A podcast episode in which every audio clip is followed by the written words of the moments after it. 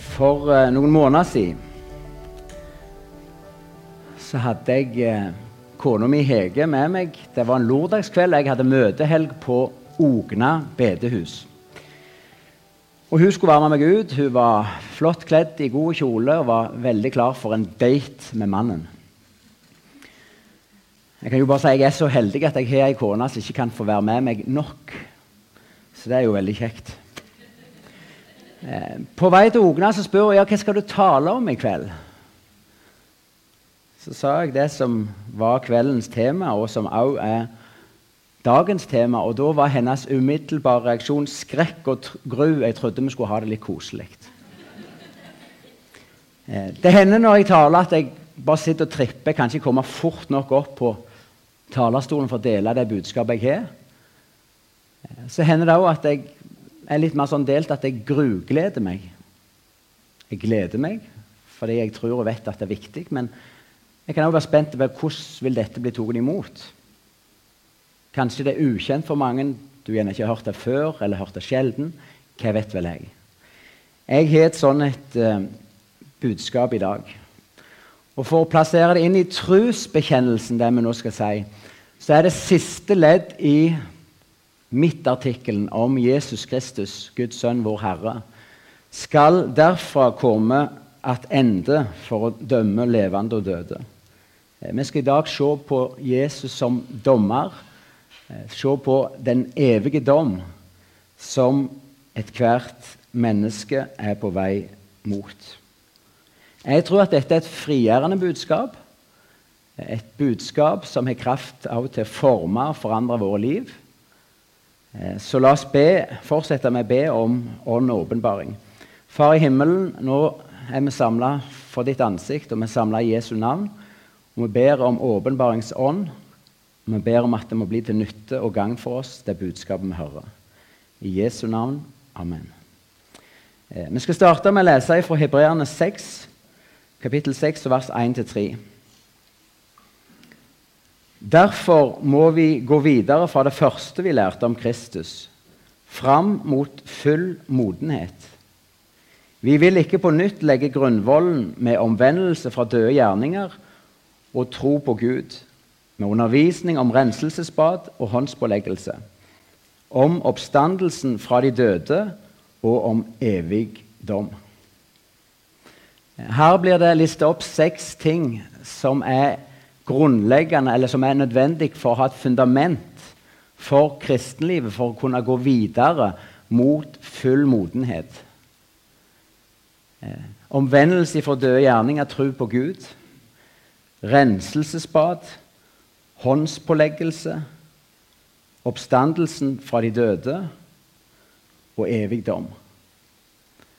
Vi skal som sagt i dag stoppe for evig dom. I militæret så er det et begrep som kanskje en del av dere kjenner, det er gru. Ikke som min kone sier skrekk og gru, men gru. Det står for grunnutrustning.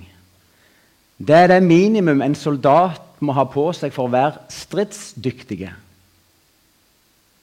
Stridsvest, uniform, hjelm, gevær, ammunisjon, nødvendig proviant osv. Det er et minimum for å være klar til kamp. Og Jeg tror vi godt kan tenke om de seks punktene i Hebreerne 6 som kristenlivets gru. Det vi trenger som et fundament for å stå stødig og være klar til kamp.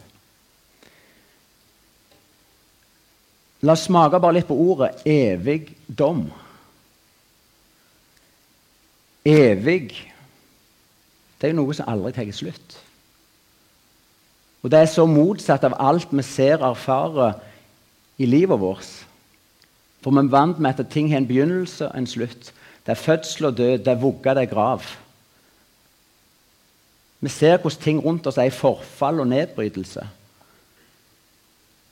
Det er noen livslover som hver dag vitner for oss om forgjengelighet. Den flotte blommen vi ser på marka, vi vet den står ikke der for evig. Den står ikke der engang neste år. Evig. Det skal aldri ta slutt. Dom. Det er jo en beslutning, en avgjørelse, en bestemmelse. Det vil si at Gud en dag skal fatte noen evige bestemmelser, beslutninger, som i all evighet står fast.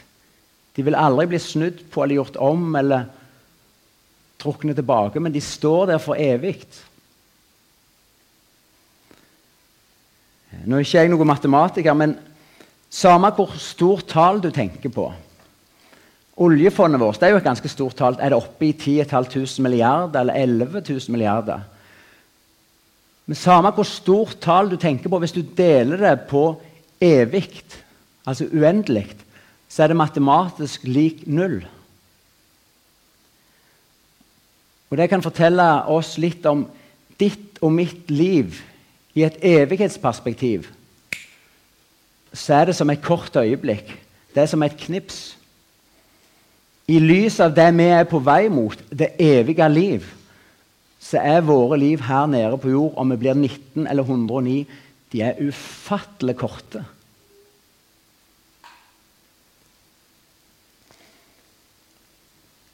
Bibelen lærer oss at ved Jesu gjenkomst så vil det bli foretatt to domshandlinger. Det er to ulike domstoler som Bibelen beskriver. Nå skal vi først høre om dommen for den store, hvite truna. Det er den vi først tenker på når vi hører om evig dom. Og Da skal vi lese fra Matteus kapittel 25 og vers 31. Og skal vi også lese fra Johannes' åpenbaring, kapittel 20 og vers 11. Men når Menneskesønnen kommer i sin herligdom og alle englene med han. Da skal han sitte på trona i herligdom. Alle folkeslag skal samles framfor han, og han skal skilje dem fra hverandre, som han gjeter skiller sauene fra geitene, og sette sauene på sin høyre side og geitene på sin venstre. Så skal kongen si til deg på høyre side, Kom hit, det som er velsigna av far min, og ta i arv det riket som er gjort i stand til dykk fra verden vært grunnlagt. For jeg var sulten, og det ga meg mat. Jeg var tørst, og det ga meg drikke. Jeg var framann, og det tok imot meg. Jeg var naken, og det kledde meg. Jeg var sjuk, og det så til meg. Jeg var i fengsel, og det vitja meg. Da skal de rettferdige svare, Herre, når så vi deg sulten og ga deg mat, eller tørst og ga deg drikke? Når så vi deg framann og tok imot deg, eller naken og kledde deg? Og nå så vi deg sjuk eller i fengsel og vitja deg?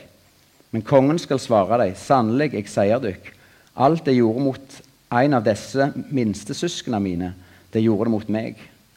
Så skal han si til deg på venstre side, gå bort fra meg det som er forbanna, til den evige ellen som er gjort i stand, for djevelen og englene hans. For jeg var sulten, men det ga meg ikke mat. Jeg var tørst, men det ga meg ikke drikke. Jeg var framann, men det tok ikke imot meg. Jeg var naken, men det kledde meg ikke. Jeg var sjuk og i fengsel, men det så ikke til meg. Da skal jeg svare, Herre, når så vi deg sulten eller tørst, eller framann eller naken eller sjuk eller i fengsel uten å hjelpe deg? Men han skal svare deg, sannelig, jeg sier dykk, alt det det ikke gjorde mot en av disse minste, det har det heller ikke gjort mot meg. Så skal de gå bort til evig straff, og de rettferdige til evig liv. Altså, dette er rustende ord og lesing.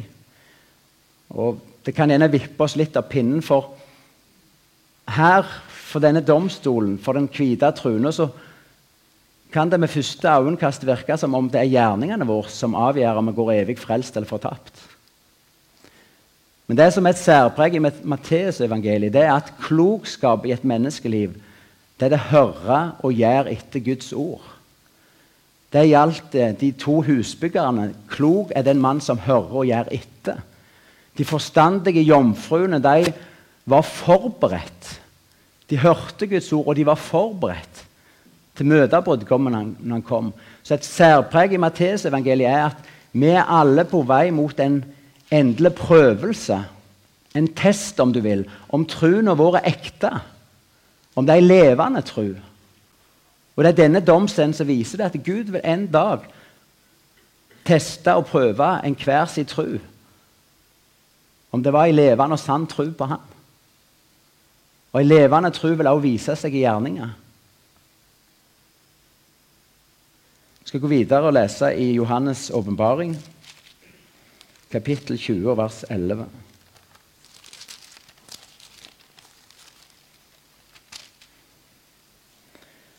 Og jeg så ei stor, hvit trone, og han som satt på trona. Jorda og himmelen flykta bort fra hans andlet, og de fantes ikke mer. Og jeg så de døde, store og små. De sto framfor trona, og bøker ble åpna. Og ei anna bok ble åpna, livsens bok. Og de døde ble dømte etter det som sto skrevet i bøkene, etter gjerningene sine. Havet ga fra seg de døde som var der, og døden og dødsriket ga fra seg de døde som var der, og de ble dømte hver etter sine gjerninger. Så ble døden og dødsriket kasta i eldsjøen, og eldsjøen, det er den andre døden. Og dersom noen ikke sto oppskreven i livsens bok, ble han kasta i eldsjøen.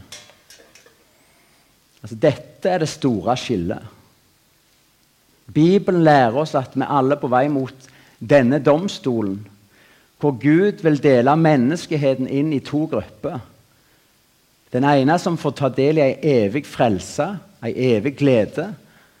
Og den andre som vil bli lagt unna evig straff.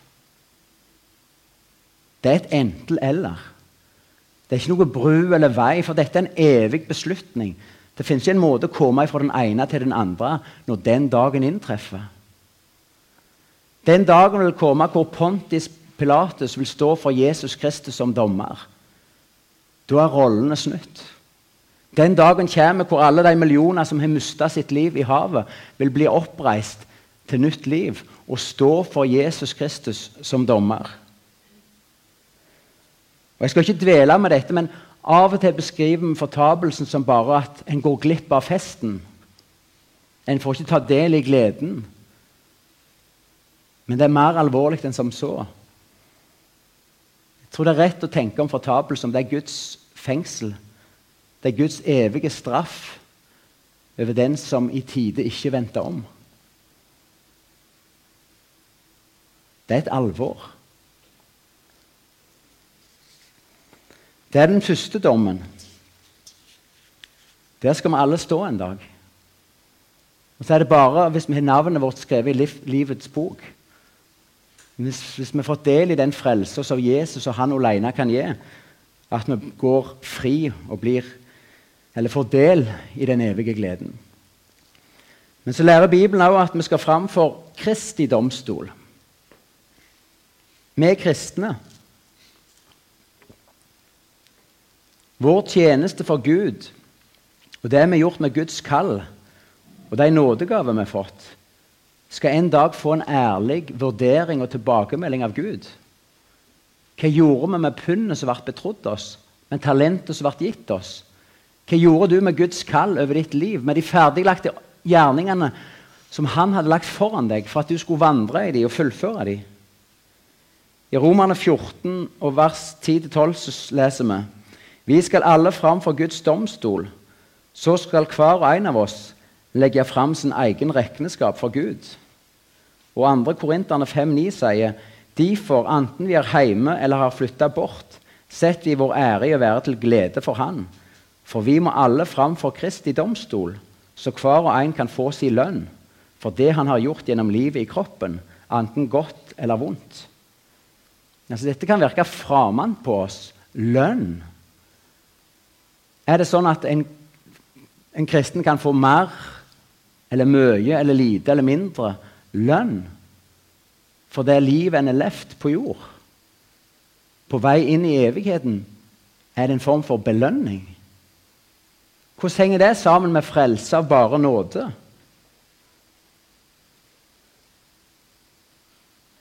Hvordan henger dette sammen? For På den ene siden har Bibelen et krystallklart budskap om frelse alene pga. Jesu blod og hans gjerning og fortjeneste for oss. Men så har Bibelen også et klart budskap om at vi skal stå til ansvar som forvaltere, som Guds medarbeidere, som tjenere. For hva vi gjorde med det han ga oss. For å få litt mer lys over det så skal vi lese to tekster. Vi skal først lese fra Matteus 25, kapittel 25, vers 14-30. Matteus 25, 14-30.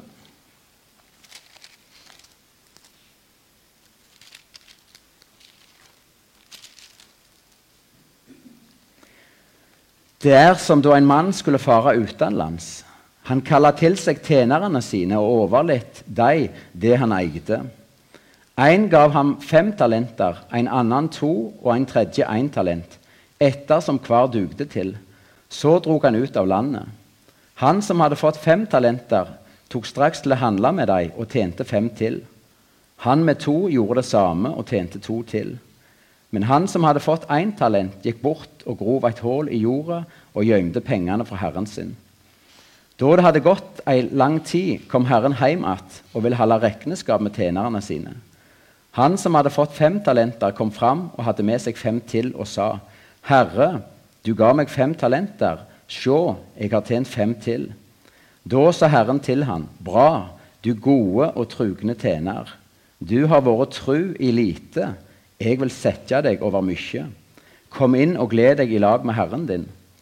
Så kom han med to talenter fram og sa, Herre, du ga meg to talenter. Se, jeg har tjent to til. Bra, du gode og trugne tjener, svarer Herren. Du har vært tru i lite. Jeg vil sette deg over mye. Kom inn og gled deg i lag med Herren din. Han som hadde fått én talent, kom òg fram og sa, Herre, jeg visste at du er en hard mann som hauster der du ikke sådde, og sanker der du ikke strødde ut. Derfor ble jeg redd og gikk bort og gjemte talenten din i jorda. Se, her har du ditt. Da sa Herren til ham, du dårlige og late tjener. Du visste at jeg hauster der jeg ikke sådde, og sanker der jeg ikke strødde ut. Da burde du ha gjeve pengene mine til de som driver med utlån, så jeg hadde fått dem att med renter når jeg kommer hjem. Ta derfor talenten fra han, og gjev han til den som har tid. For den som har, han skal få, og det i overflod. Men den som ikke har, skal bli fratatt jamvel det han har. Kast den dugløse tjeneren ut i mørket utenfor, der de gret og skjær tenner. Og Så skal vi bla videre til 1. Korinterne 3, og vers 10-15.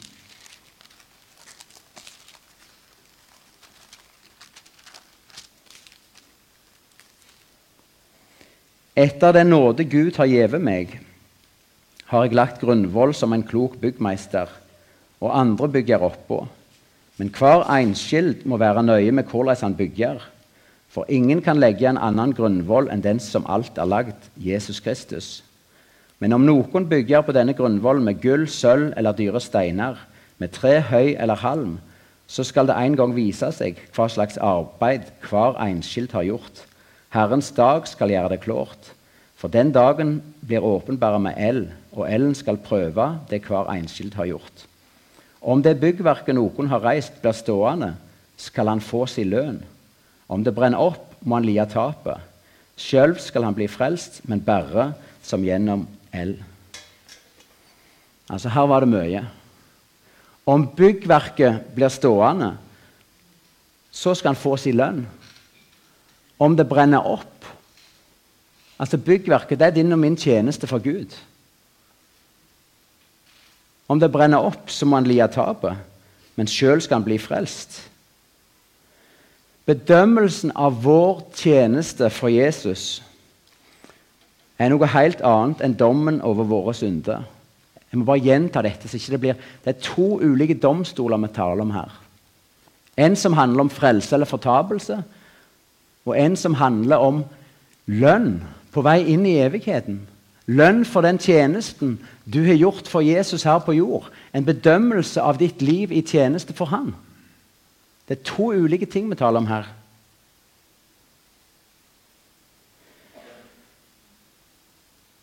Hva gjorde vi med talenter? Og Det er til og med en ekstra advarsel i Bibelen til oss som er talere og forkynnere. Ikke mange av dere bør bli lærere, sier Jakob i sitt, sitt brev. For vi skal bli så mye strengere dømt. Det ligger et enormt ansvar i å være en kristen lærer. Til å være en som underviser andre om veien til sannheten, en som skal lufte fram Guds råd. Jeg sier ikke dette for å skremme noen vekk fra det kallet hvis Gud er det kallet over ditt liv. Men vi er ansvarlige for hvordan vi leder andre. hvorfor blir dette som er så tydelig i Bibelen, så sjelden forkynt? Jeg tror aldri jeg har sittet så jeg kan huske på en stol en plass i Norge og hørt en undervisning om at vi skal fram for Kristi domstol og stå til ansvar for hvordan vi forvalter nådegaven, tjenesten, Guds kall over livet vårt. Jeg er vant med at vi går direkte vi er rett inn forbi perleporten med en gang. Jeg vet ikke hvorfor dette så sjelden blir løfta fram. Kanskje i frykt for at en skal skygge over det største, det store, frelse og Jesu blod. For samme om vi får lønn eller taper vår lønn for Kristi domstol, så kan vi gå inn gjennom hans porter med takkesang og tilbedelse. Vi får alle uendelig mye mer enn det vi fortjener når vi får ta del i det evige liv. Kanskje det sitter en sånn frykt at en skal på en måte kaste noe skygge eller forvirre eller være uklar når det gjelder frelsa. Og jeg tror at tanken om en dom over vår tjeneste med ulik belønning er vanskelig for mange av oss å forholde oss til. For hvor blir det av bare nåden under denne domstolen? Å være en kristen er til å være et Guds barn. Høyt elska, tilgitt.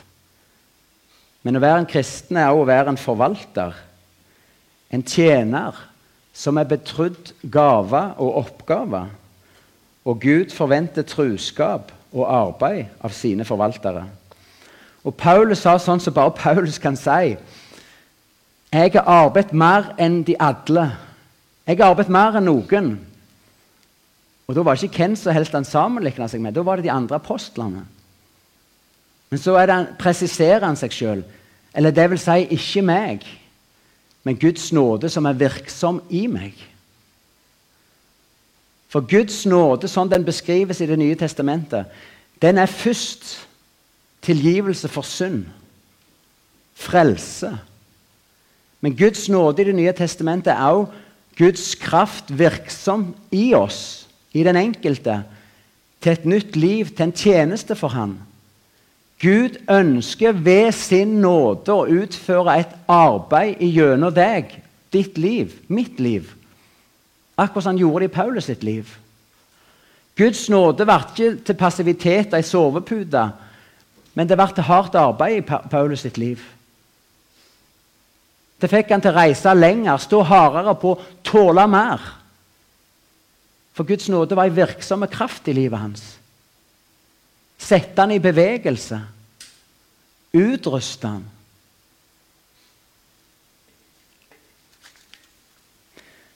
Jeg syns det er fantastisk sånn som det står i 1. Peters brev, kapittel 4, vers 10. Tjen hverandre hver og en med den nådegåve han har fått, som gode forvaltere av Guds mangfoldige nåde. Tenk på det, Du er en forvalter av Guds nåde. Du har fått noe som du skal kunne tjene andre med. Og så sto det òg her at Guds nåde er mangfoldig. Det vil si, Den trenger så mange forskjellige personligheter, så mange forskjellige mennesker, så mange forskjellige hender for å komme til uttrykk som vi kan være med og gi et rikt bilde av hva Guds nåde er. Og så vet vi jo alle det at når vi bruker vår nådegave, når vi tjener hverandre i kjærlighet, da bygger vi det kristne fellesskapet opp. Da blir legemet reist opp, om du vil. Det er som menigheten reiser seg og kan bli synlig i verden, virksom i verden, når vi vil bruke det lille vi har fått. Og så kan Guds nåde, som får oss til arbeid, utrette noe stort gjennom det. Da begynner vi å forstå litt betydningen av at hver og en av oss er med å fylle ut dette mangfoldet. Det er jo noe vi, kristne er villige til å tjene at evangeliet blir båret videre i verden. Det handler til og med om andre mennesker sin evighet. At du og jeg vil forvalte og bruke og tjene med det vi har fått. Og Bare for å lese det jeg siterte i 1. Korinterne 15,10, så sier Paulus.: Men av Guds nåde er jeg den jeg er. Og Hans nåde mot meg har ikke vært bortkasta. For jeg har arbeid mer enn en de alle, det vil si ikke jeg, men Guds nåde som er med meg. Guds nåde slo ikke feil i Paulus sitt liv, for det fikk han til arbeidet. Det er av og til sånn Vi tenker som om at vi er frelst vekk fra arbeid og gode gjerninger. Nei, vi er frelst til arbeid, til tjeneste for Gud. Til å fullføre og gjøre de gode gjerningene.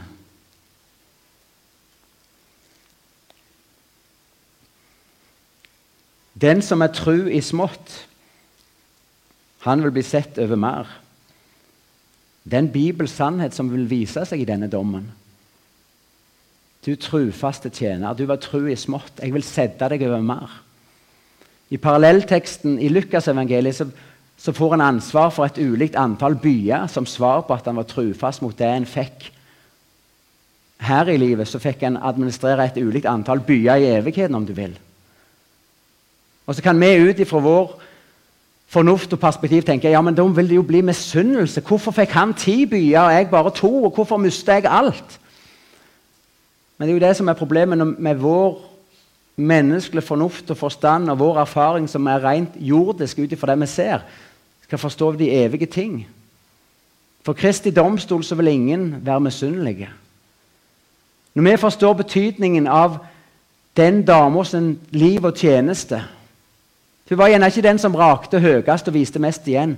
Når Gud setter hun over mye og sier 'takk for at du var trufast', når vi ser rekkevidden av et liv i trufast tjeneste, hvilke ringvirkninger det fikk, for det tror jeg vi vil få se den dagen, da vil vi si 'takk, Herre', for den nåde som fikk fullføre verket i hennes liv. Vi vil gi Gud så rett når han tar sine rettferdige dommer. Det vil ikke være misunnelse og kamp om posisjon den dagen. Kanskje vi vil med sorg se at eh, vi lot ting gå ifra oss. At vi trakk oss tilbake.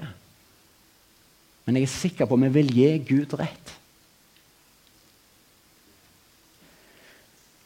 Noen vil kanskje prøve å sette denne bibelske sannhet om bedømmelse av vår tjeneste til sies ved å bruke en annen bibelsk sannhet, frelst av bare nåde, hviler ikke på egne gjerninger. Eller historien i Mattes 20 om arbeiderne i vingården og sier alle får lik lønn. For det gjorde de der. Alle får lik lønn. Til det er det å si at En bibelsk sannhet må ikke brukes til å oppheve en annen når Bibelen sjøl ikke gjør dette. For det vi nå snakker om, det handler ikke om frelse, men om forvaltning. Måten vi forvalter tjenesten for Jesus i dette liv, får betydning for hvilke oppgaver og hva ansvar vi får inn i det evige liv.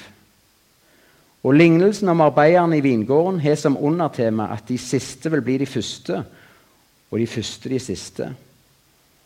Det vil ganske sikkert bli mange overraskelser i himmelen. Lang fartstid gjør deg ikke nødvendigvis til den fremste. Dommen for Kristi domstol vil åpenbare at det som var stort i, Gud, i menneskets øyne, ikke alltid var like stort i Guds øyne. Han med halt for å være ei kjempe i Guds rike er en av den som mister sin lønn.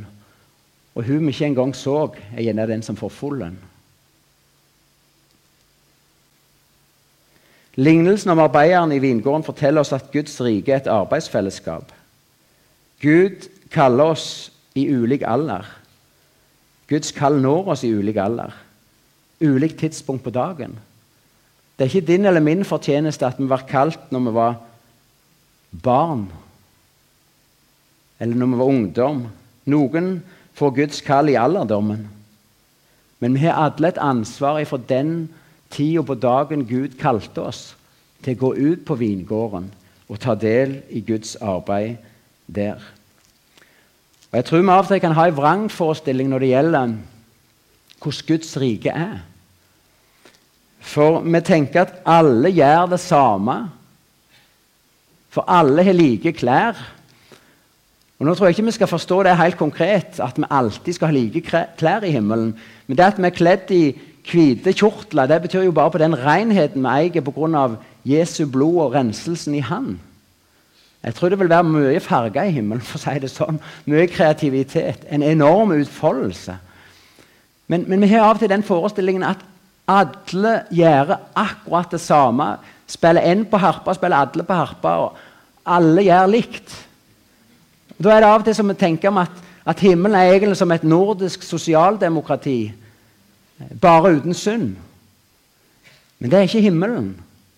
Himmelen er et kongerike der Gud sitter på trona. Der de tolv apostlene sitter på sine truner. Der de 24 eldste sitter på sine truner. Himmelriket er en delegering av makt og autoritet. Og inn i evigheten så vil vi bli betrodd noe. Oppgaver som vi skal forvalte i all evighet. Så ja, det vil være forskjeller i himmelen på hva du gjør. Hva du er betrodd. Hva oppgave du har fått. Men det gjør det verken dumt eller gjør at Gud er urettferdig, for han er rettferdig i alt han gjør. Hvem er vi som skulle anklage Gud, som vil en dag belønne truskap? Hvem er vel vi som skulle anklage Gud, som en dag vil belønne den som var tru i smått? Og Det var ikke sånn når vi leser evangeliet at Jesus, Jakob og Johannes, brødrene, i lag med mora, de kommer jo med et sånn dristig og frimodig spørsmål til Jesus. Sønnene mine, kan de få sitte på de høyre og venstre sida i, i himmelriket? Det er jo til å be om å ha de gjeveste plassene med bordet. Ta de fremste plassene i, i regjeringa, om du vil. Da er det ikke sånn Jesus sier nei, nei, nei, hvordan er det dere tenker. I himmelen er det ingen bordplassering. Der bytter vi alle på plassene. Hvordan er det dere tenker? Og Jesus svarer der skal de sitte som min himmelske far er valgt ut til å sitte.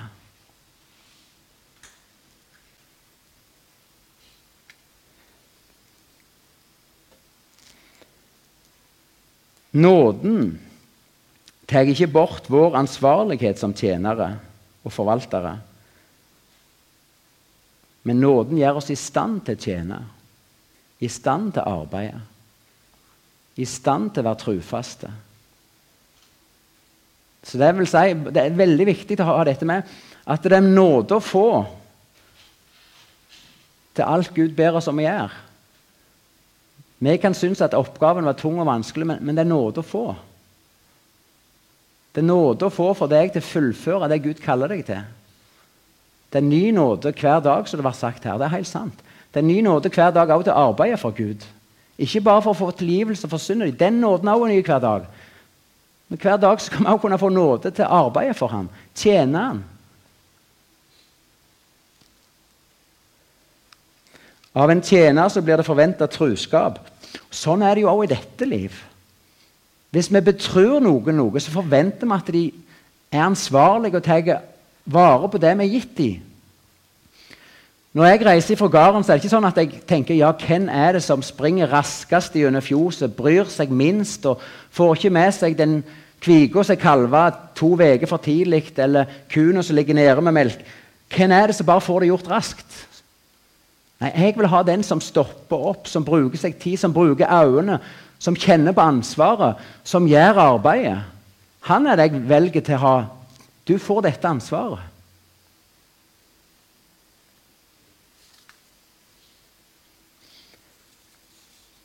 Hva har du i hånda di? Når uh, vi står for Kristi domstol, eller for å gjøre det personlig, når du står for Kristi domstol når turen er kommet til deg, så vil ikke du bli bedømt for hva alle mennesker mente du burde gjøre, og alt det du skulle ha gjort i kristelige sammenhenger. Men det vi må, må, bli bedømt ut ifra, er jo hva kalte han deg til å gjøre? Hva kalte Gud meg til å gjøre? Hva var mine oppgaver? Det din tjeneste skal måles opp mot, er Guds kall. Hva ba han deg om å gjøre? Hva nådegave fikk du? Hva gjorde du med de talentene som du fikk? Og nådegavene er så forskjellige. Oppgavene i Guds rike er så forskjellige at det er veldig dumt når vi prøver å sammenligne oss med hverandre.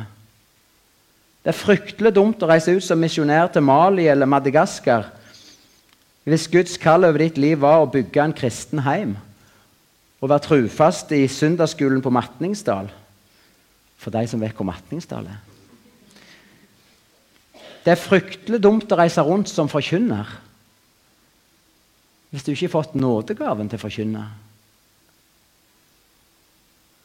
Tenk hvis du heller har fått nådegaven til å utvikle en forretningsvirksomhet. Jeg tror Guds nåde er så mangfoldig at vi aner ikke hva en kan kalle den enkelte til. Kanskje kallet for deg var at Gud ville velsigne det du tok i dine hender, det du skulle skape, den bedriften, den arbeidsplassen du skulle utvikle, for at du skulle være en giver inn i Guds rike. Det er fryktelig dumt å streve med å pumpe fram et budskap som ikke eier salvelse. Du er ikke kalt til det. Vi må holde oss til den nådegave, den oppgave som Gud har gitt oss. Og Jeg tror vi gjør rett i å tenke veldig vidt om det. Hva er talenter? Jeg tror vi kan tenke at det er det kristenliv som Jesus kaller deg og meg til å leve i heim, menighet, nabolag, arbeidsplass. Ja, Det er summen av den tjeneste og de oppgaver, det er nåde og nådegave som Han har gitt oss. Ventetid er arbeidstid. Arbeid er et ord som ofte går igjen i sammenhenger hvor det taler om Jesu gjenkomst og ventetida fram til dess. Den gode tjeneren som var i arbeid når Herren kom tilbake. Den kloke forvalteren som arbeidet og brukte pundet godt i tidsrommet Herren var vekke. Arbeiderne i vingården. Og vi har alle et kaldt arbeid. Gå ut i all verden og gjør alle folkeslag til mine disipler og arbeid raust og rikelig for Herren, står det også i Bibelen. Arbeid for Gud er et hovedfokus, vil jeg våge å påstå, når den beskriver perioden vi nå lever i, ventetida fram til Jesu gjenkomst. Det er nerva, det er en appell i Bibelen om å arbeide. Om ikke slippe hånda på plogen, ikke legge hakka ifra seg, ikke trekke seg tilbake, men bli stående i tjenesten for Gud. Til å bruke tida godt. Og Sjøl for oss lutheranere så kommer vi ikke utenom denne appellen. Et kaldt arbeid. Ventetid er arbeidstid. En dag skal Gud felle evige beslutninger som aldri vil bli opphevet eller forandret. Konsekvensene for de som blir dømte, er enorme og vil vare i all evighet. Gud vil for det første dømme alle mennesker enten til evig frelse eller evig fortapelse. Det er det store skillet. Men også for alle som får adgang inn i Guds rike, skal gjennom en vurdering og en bedømmelse.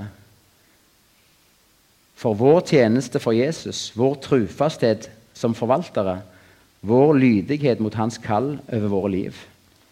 Vi kan få lønn, eller vi kan miste den lønn vi var tiltenkt. Og hva ønsker du å høre på den dagen? Ros eller ris? Du gode og trufaste tjener? Eller vil du se din tjeneste gå opp i ild? Og Kanskje sitter du her nå i dag du vet ikke hva Jesus har kalt deg til. Hva nådegave du har fått, hva talent han har gitt deg.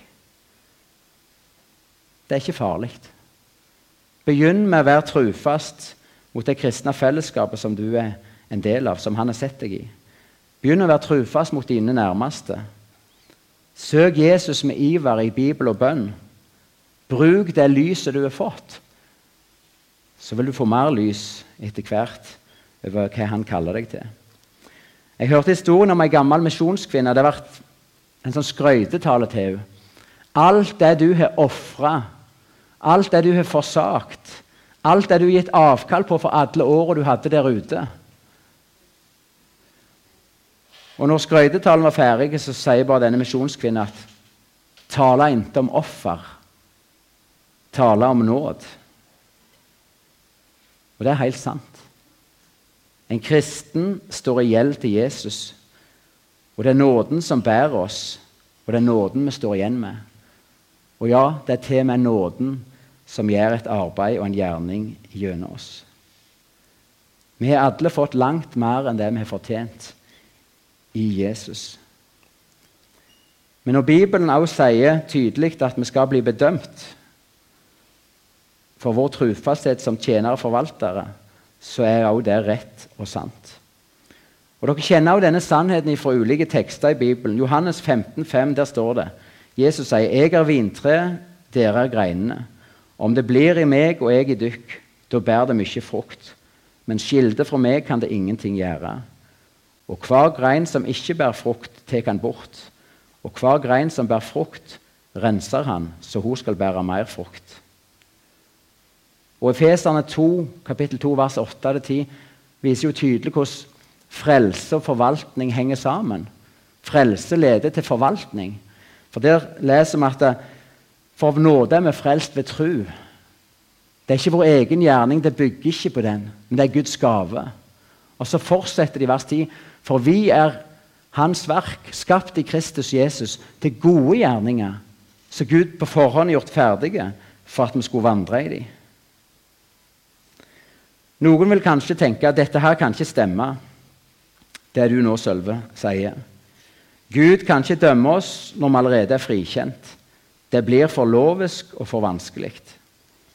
Tenker du sånn, så vil jeg spørre deg tilbake. Tror du at Gud lyver når han gjentatte ganger i Bibelen advarer oss at denne dagen vil komme? Er det urettferdig av Gud å belønne truskap? er det lovisk av Gud å vurdere og bedømme hvordan vi forvalter den nåde og de oppgaver som Han betrodde oss. Og Jeg er redd for at vi, mange av oss kristne vi har år etter år hørt et ensidig budskap om at vi kristne ikke skal gjøre noen verdens ting for at alt er gjort. Det er jo ofte sånn at en vil forkynne det sentrale, og da forkynner en frelse, og der er det helt sant. Alt er gjort. Alt er ferdig. Vi skal ikke gjøre så det blir sunget i Det er helt sant. Ingen kan legge noe til korset, ingen kan ta noe ifra. Men det stemmer ikke når det gjelder det kristne livet, vandringa. For her kaller Gud oss til arbeid og tjeneste. Her er det noe vi skal fullføre, noe som er lagt ferdig foran deg for at du skal gå inn i det. Vi er ikke frelst ifra, men vi er frelst til et liv i tjeneste og gode gjerninger. Og Som kristne så trenger vi å ha et evighetsperspektiv på livet. Alle mennesker født i tida er på vei mot Guds evige dom. Også vi kristne som blir gitt adgang til Guds rike pga. at Jesu blod strauk våre synder ut og skrev våre liv inn i livets bok.